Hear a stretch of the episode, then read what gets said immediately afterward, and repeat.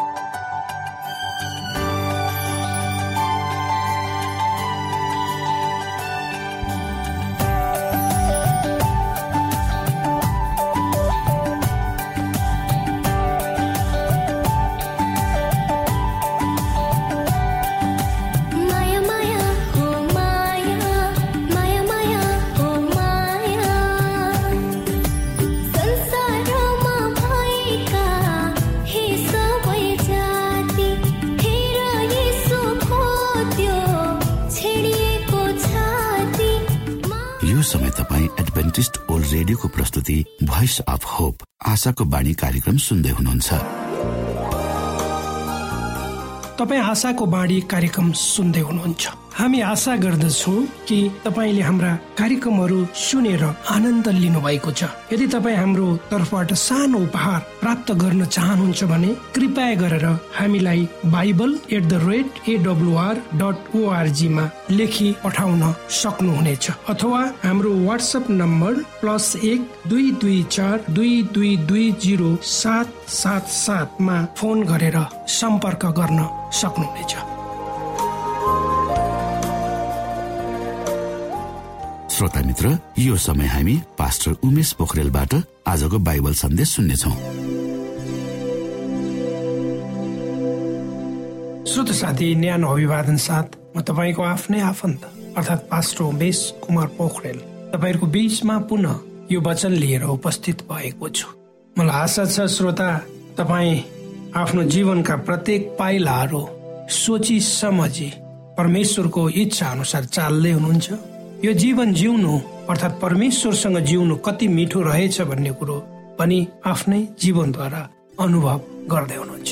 श्रोता जीवन बडो महत्वपूर्ण छ क्षणिक छ र यो महत्वपूर्ण जीवनलाई तपाईँ हामीले एउटा सकारात्मक र उद्देश्यमूलक बाटोमा दिन प्रतिदिन अगाडि बढाउनु पर्छ परमेश्वर प्रेम हुनुहुन्छ र परमेश्वर उहाँको प्रेम तपाईँ र ममा खन्याउन चाहनुहुन्छ। आउनुहोस् आजको प्रस्तुतिलाई पस गर्नुभन्दा पहिले म परमेश्वरमा अगुवाईको लागि बिन्ती राख्नेछु। जीवी जिउँदो महान दयालु परमेश्वर प्रभु हामी धन्यवादी छौँ। यो जीवन यो जीवनमा दिनुभएका सबै आशिषको लागि यो कार्यक्रमलाई म तपाईँको चरणमा राख्दछु। यसलाई तपाईँको राज्य र महिमाको प्रचारको खातिर तपाईँले सारा संसारमा पुर्याउनुहोस्। ज जसले यो कार्यक्रमलाई सुन्नुहुन्छ उहाँहरूलाई तपाईँले अगुवाई गर्नुहोस्। तपाईँको ज्योतिमा डोर्याउनुहोस् सबै बिन्ती प्रभु यीशुको नाममा। आमेन।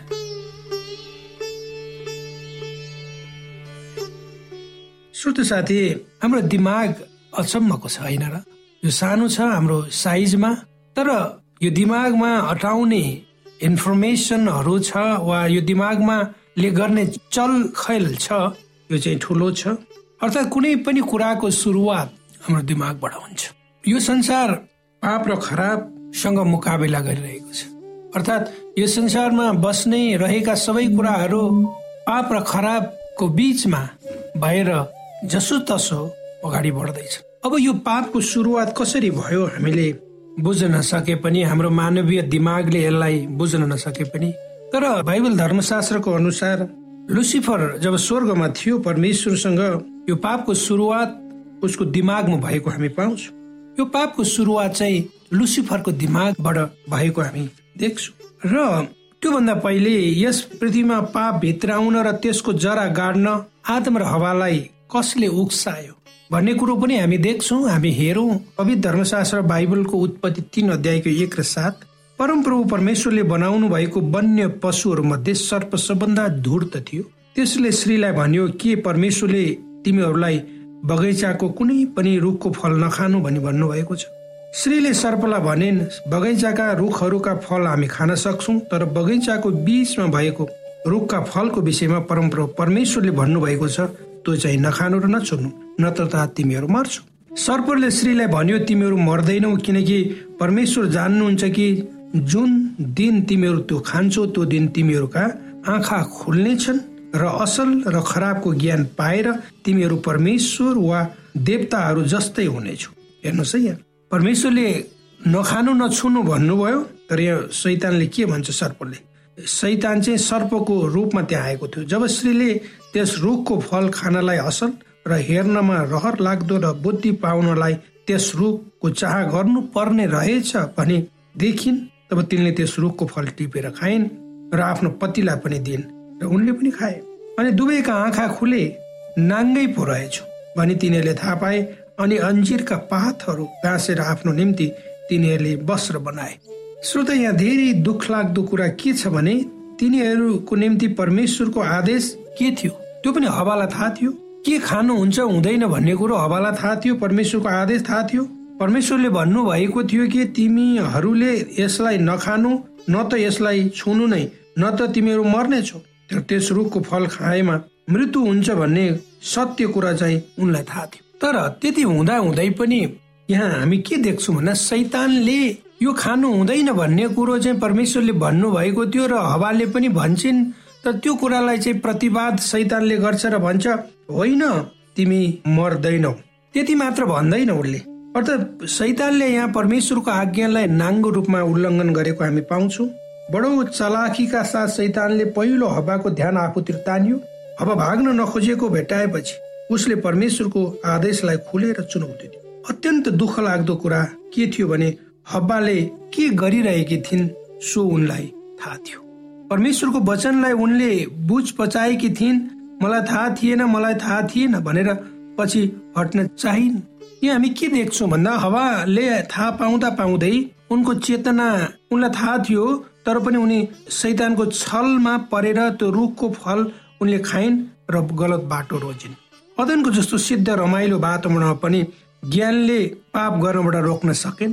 त्यसपछि हवाले मात्र खाएनन् त्यो चाहिँ खाएको फल चाहिँ आफूले खाएर आफ्नो पतिलाई पनि दिन् आदमलाई। र आदमलाई पनि यो सत्य थाहा थियो खानु हुँदैन भनेर। उनीहरूलाई चाहिने सबै कुरो थियो ज्ञान थियो। सबै कुरो चाहिँ परमेश्वरले दिनुभएको थियो। तर उनीहरूले परमेश्वरको त्यो वचनको आज्ञाको त्यो आत्मज्ञान चाहिँ उनीहरूमा हुन सकेन। श्रोता अनि त्यसपछि आदमले पनि त्यो खान्छ र उनीहरू परमेश्वरबाट चाहिँ उनीहरूको सम्बन्ध सदाको लागि के हुन्छ टाढा हुन्छ। त्यही आदम र हवाको कारणले आज हाम्रो र परमेश्वरको बीचको सम्बन्ध चाहिँ एउटा खाडल छ र मानिसमा त्यसको प्रतिफलको रूपमा त्यसको परिणामको रूपमा संसारमा पाप आयो। पाप आएपछि मृत्यु आयो। अनि मानिसका दुःखका दिनहरू सुरु भए। र कहिलेकाहीँ हामीलाई लाग्छ मेरो जीवन हो मैले गर्ने मेरो निर्णय हो म आफू खुसी छु मैले जे गर्दा पनि हुन्छ। तर हामीले गरेको एउटा निर्णय छ हामीले गरेको एउटा काम छ त्यो कामले हामीलाई मात्र असर होइन हामी पछि आउने सन्ततिहरूलाई पनि असर गर्छ भन्ने कुरो हामीले बुझ्नुपर्छ। सैतान एउटा आकर्षक सर्पको रूपमा सैतान चाहिँ हवा एक्लै हुँदा हवा भएको ठाउँमा चाहिँ त्यो अदनको बगैँचामा उनी टहल्दै थिइन्। जति बेला आदमनको साथमा थिएनन् त्यो देखा पर्छ हेर्नुहोस् आकर्षक रूपमा। त्यो पाप भनेको पनि सैतान पनि तपाईँ र मेरो जीवनमा प्रत्येक क्षणमा विभिन्न माध्यमहरूद्वारा एउटा आकर्षक रूपमा हामी अगाडि देखा पर्छ। अनि हामीलाई लाग्छ यो सही हो त्यसले हामीलाई चाहिँ आफ्नो बसमा पार्न सांसारिक प्रलोभनहरू विभिन्न किसिमका दिन्छ र उसले तपाईँ र मलाई पहिलो जो नजरमा पहिलो हाम्रो भेटमा यदि सैतानिक त्यो आकर्षणबाट हामीले त्यसलाई इन्कार गर्न खोज्यौँ र इन्कार गर्यौँ भने टाढा रह्यौँ र त्यसलाई भनेको कुरा इन्कार गर्यौँ र तँबाट चाहिँ टाढा गयौँ भने हामी बच्छौँ। तर पहिल्यै सैतानको जो आकर्षण स्वरूप छ प्रतिरूप छ उसको बोलाइ छ उसको प्रस्तुतिमा पनि हामी चाहिँ के रहेछ भनेर अड्यौँ भनेर मोहित भयो भने त्यसले निरन्तर रूपमा हामीलाई चाहिँ आफूतिर खिच्छ र अन्त्यमा हामीलाई उसको त्यो पापको त्यो बन्धनमा वा त्यो उसको चाहिँ पन्जामा तपाईँ हामीलाई पार्छ। तपाईँ र हाम्रो चेतना छ मानव चेतनाहरू। कतिपय समयमा हामी आफ्नो चेतनाबाट विमुख हुन्छौँ हाम्रो चेतना मर्छ। र हामी जब मानिसमा भएको चेतना मर्छ त्यति बेला त्यो मानिस मानिस रहँदैन। परमेश्वरले तपाईँ र मलाई कुन राम्रो कुन नराम्रो भन्ने कुराहरू छुट्याउन सक्ने खुबी वा चेतना दिनुभएको छ। हामीले यो संसारमा यो जीवनमा बाँच्दाखेरि प्रत्येक पाइलामा प्रत्येक सेकेन्डमा चाहिँ नराम्रा र खराब कुराहरूको सामना गर्नुपर्छ। र गरि नै रहेका छौँ। तर कुनै पनि कुरा तपाईँ र मैले देख्छौँ सुन्छौँ सामना गर्छौँ वा हेर्छौँ ती कुरो सही हो वा खराब हो तिनलाई पछ्याउनु पर्छ पर्दैन मान्नु पर्छ आत्मसात गर्नुपर्छ पर्दैन भन्ने कुरो चाहिँ तपाईँको चेतनाले मेरो चेतनाले हामीलाई चाहिँ भनिरहेको हुन्छ पछाडि। तर कतिपय कुराहरू समयमा हामी आफ्नो चेतनाका भित्री हाम्रो चाहिँ अन्तर आत्माका कुराहरूलाई हामी चाहिँ व्यवस्था गर्छौँ। हामीलाई थाहा हुन्छ यो कुरो खराब छ यो कुरो गर्नु हुँदैन यो हेर्नु हुँदैन यो खानु हुँदैन यो ठाउँमा जानु हुँदैन यो कुरो बोल्नु हुँदैन। र एउटा तपाईँको असल चेतना छ राम्रो पक्ष छ त्यो। त्यसले भनिरहेको हुन्छ नगर नगर नजा नसुन भन्छ। तर अर्कोले जसले सैतान हुन्छ त्यसले चाहिँ भने होइन गर गर अलिकति हो नि हेर्न एकछिन त हो नि फेरि होइन भन बिस्तारै बिस्तारै बिस्तारै गर्दा गर्दै तपाईँ र मलाई सैतानले आफ्नो बन्धनमा पार्छ।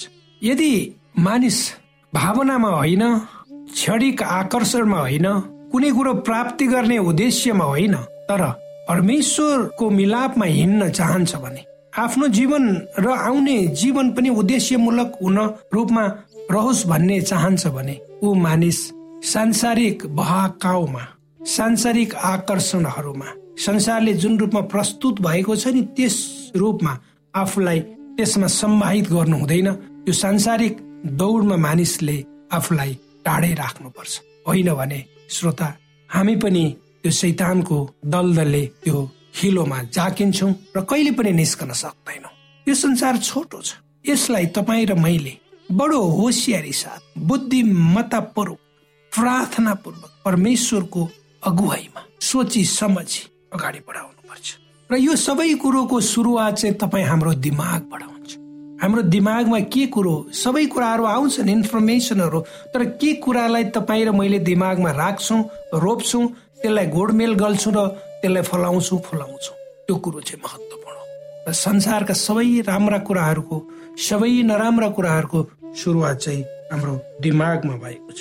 हाम्रो दिमाग जसको शक्ति अथाह छ। हामीलाई कति चाहिन्छ त्यति मात्र हामीलाई आवश्यक छ। नचाहिने होइन। परमेश्वरले तपाईँ र मलाई यी कुराहरूद्वारा आजको प्रस्तुतिद्वारा आशिष दिनुहोस्।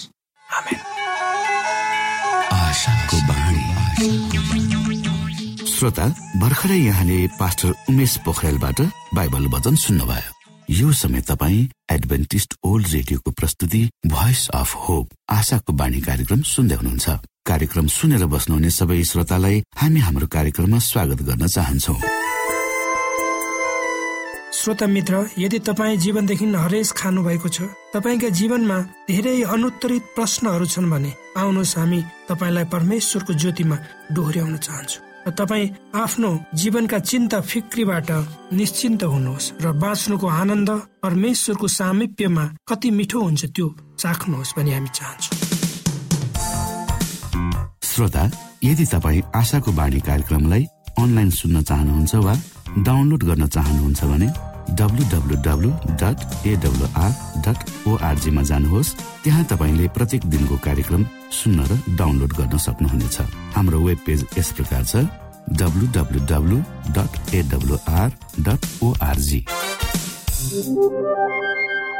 श्रोता यदि तपाईँ हामीसित सिधै फोनमा सम्पर्क गर्न चाहनुहुन्छ भने हाम्रा नम्बरहरू यस प्रकार छन्।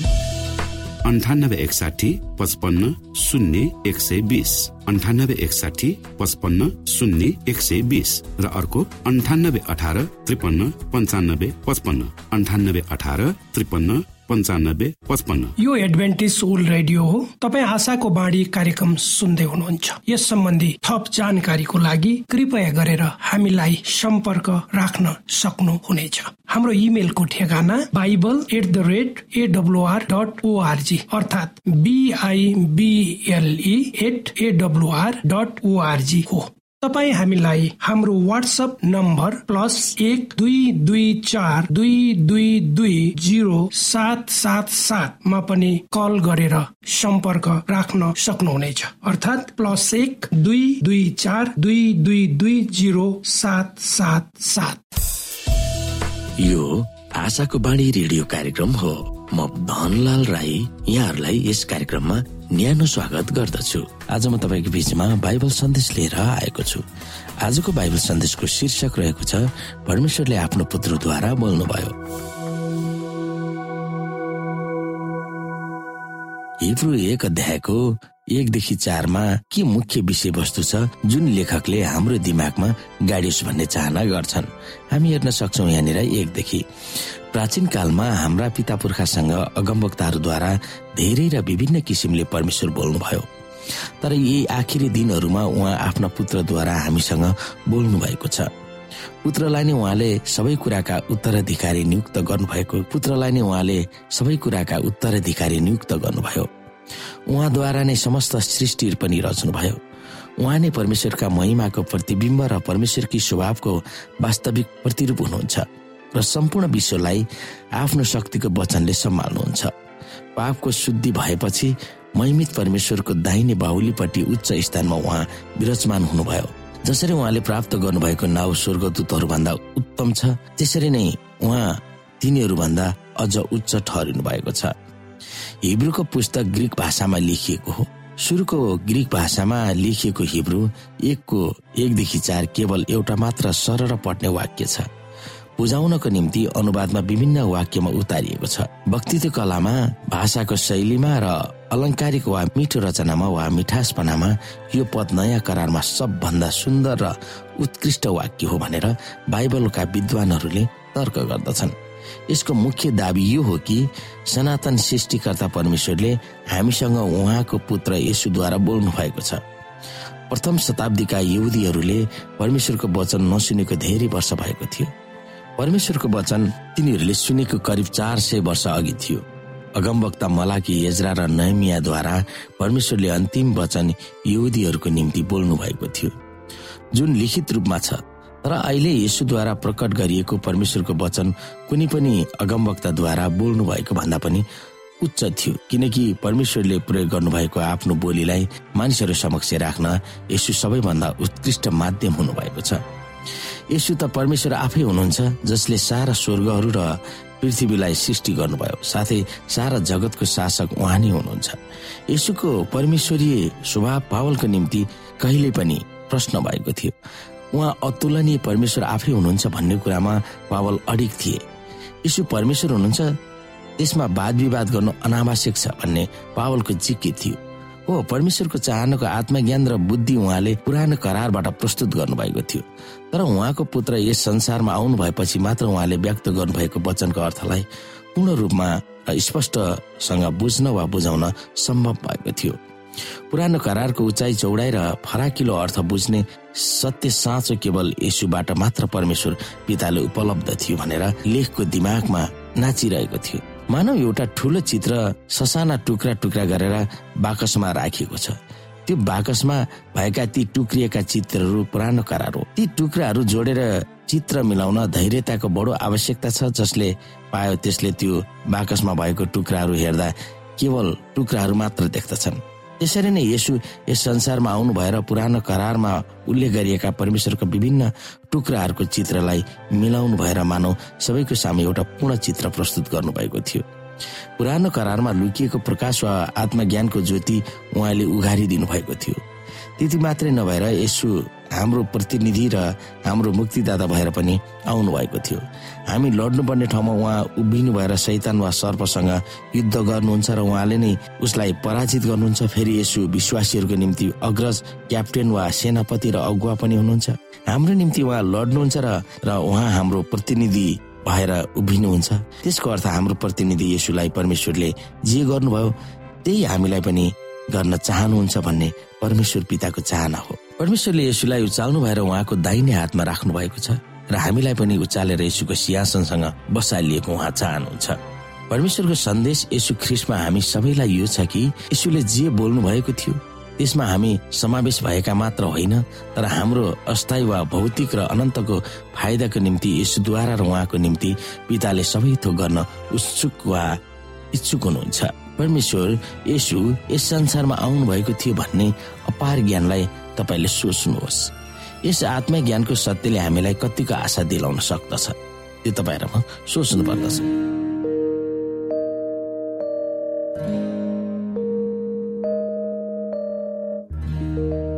श्रोता तपाईँलाई आजको हाम्रो यो कार्यक्रम शिक्षाप्रद लाग्यो र तपाईँले यसबाट विशेष अगुवाई लिन सक्नु भएको छ भने हामीले आशा लिएका छौँ। हामीसँग पत्राचार गर्ने हाम्रो ठेगाना यस प्रकार छ। आशाको बाणी पोस्ट बक्स नम्बर दुई शून्य शून्य शून्य दुई काठमाडौँ नेपाल। श्रोता यदि तपाईँ हाम्रो स्टुडियोको नम्बरमा सम्पर्क गर्न चाहनुहुन्छ भने हाम्रा नम्बरहरू यस प्रकार छन्। अन्ठानब्बे एकसाठी पचपन्न शून्य एक सय बिस। अन्ठानब्बे एकसाठी पचपन्न शून्य एक सय बिस। र अर्को अन्ठानब्बे अठार त्रिपन्न पन्चानब्बे पचपन्न। अन्ठानब्बे अठार त्रिपन्न पन्चानब्बे पचपन्न। हवस् त श्रोता भोलि फेरि यही स्टेशन र यही समयमा यहाँसँग भेट्ने आशा राख्दै प्राविधिक साथी राजेश पास्टर उमेश पोखरेल र कार्यक्रम प्रस्तुता म रवि यहाँसँग विदा माग्दछौ। नमस्कार।